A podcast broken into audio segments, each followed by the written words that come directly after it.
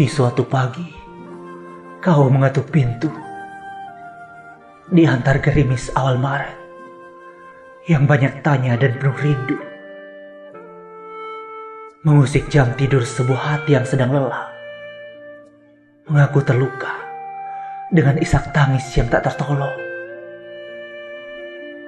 Lima pergantian kalender, kesabaranku selalu berbaik sangka.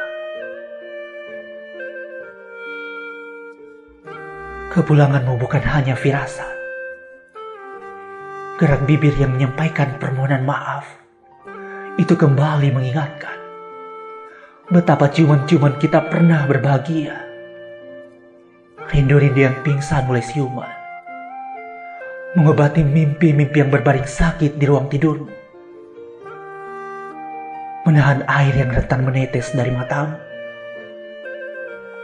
Sedikit terlambat dan kurang tepat waktu. Ruanganmu sudah dibersihkan, ditata ulang, dan ditempati seseorang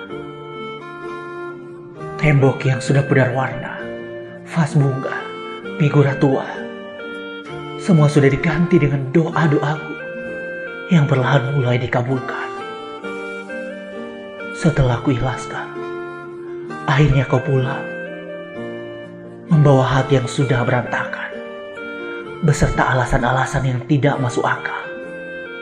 Dimaafkan atau dilupakan.